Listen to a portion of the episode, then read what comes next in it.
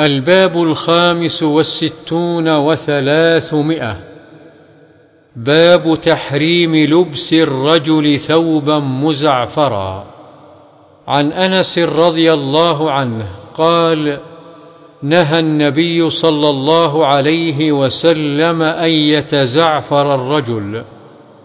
متفق عليه.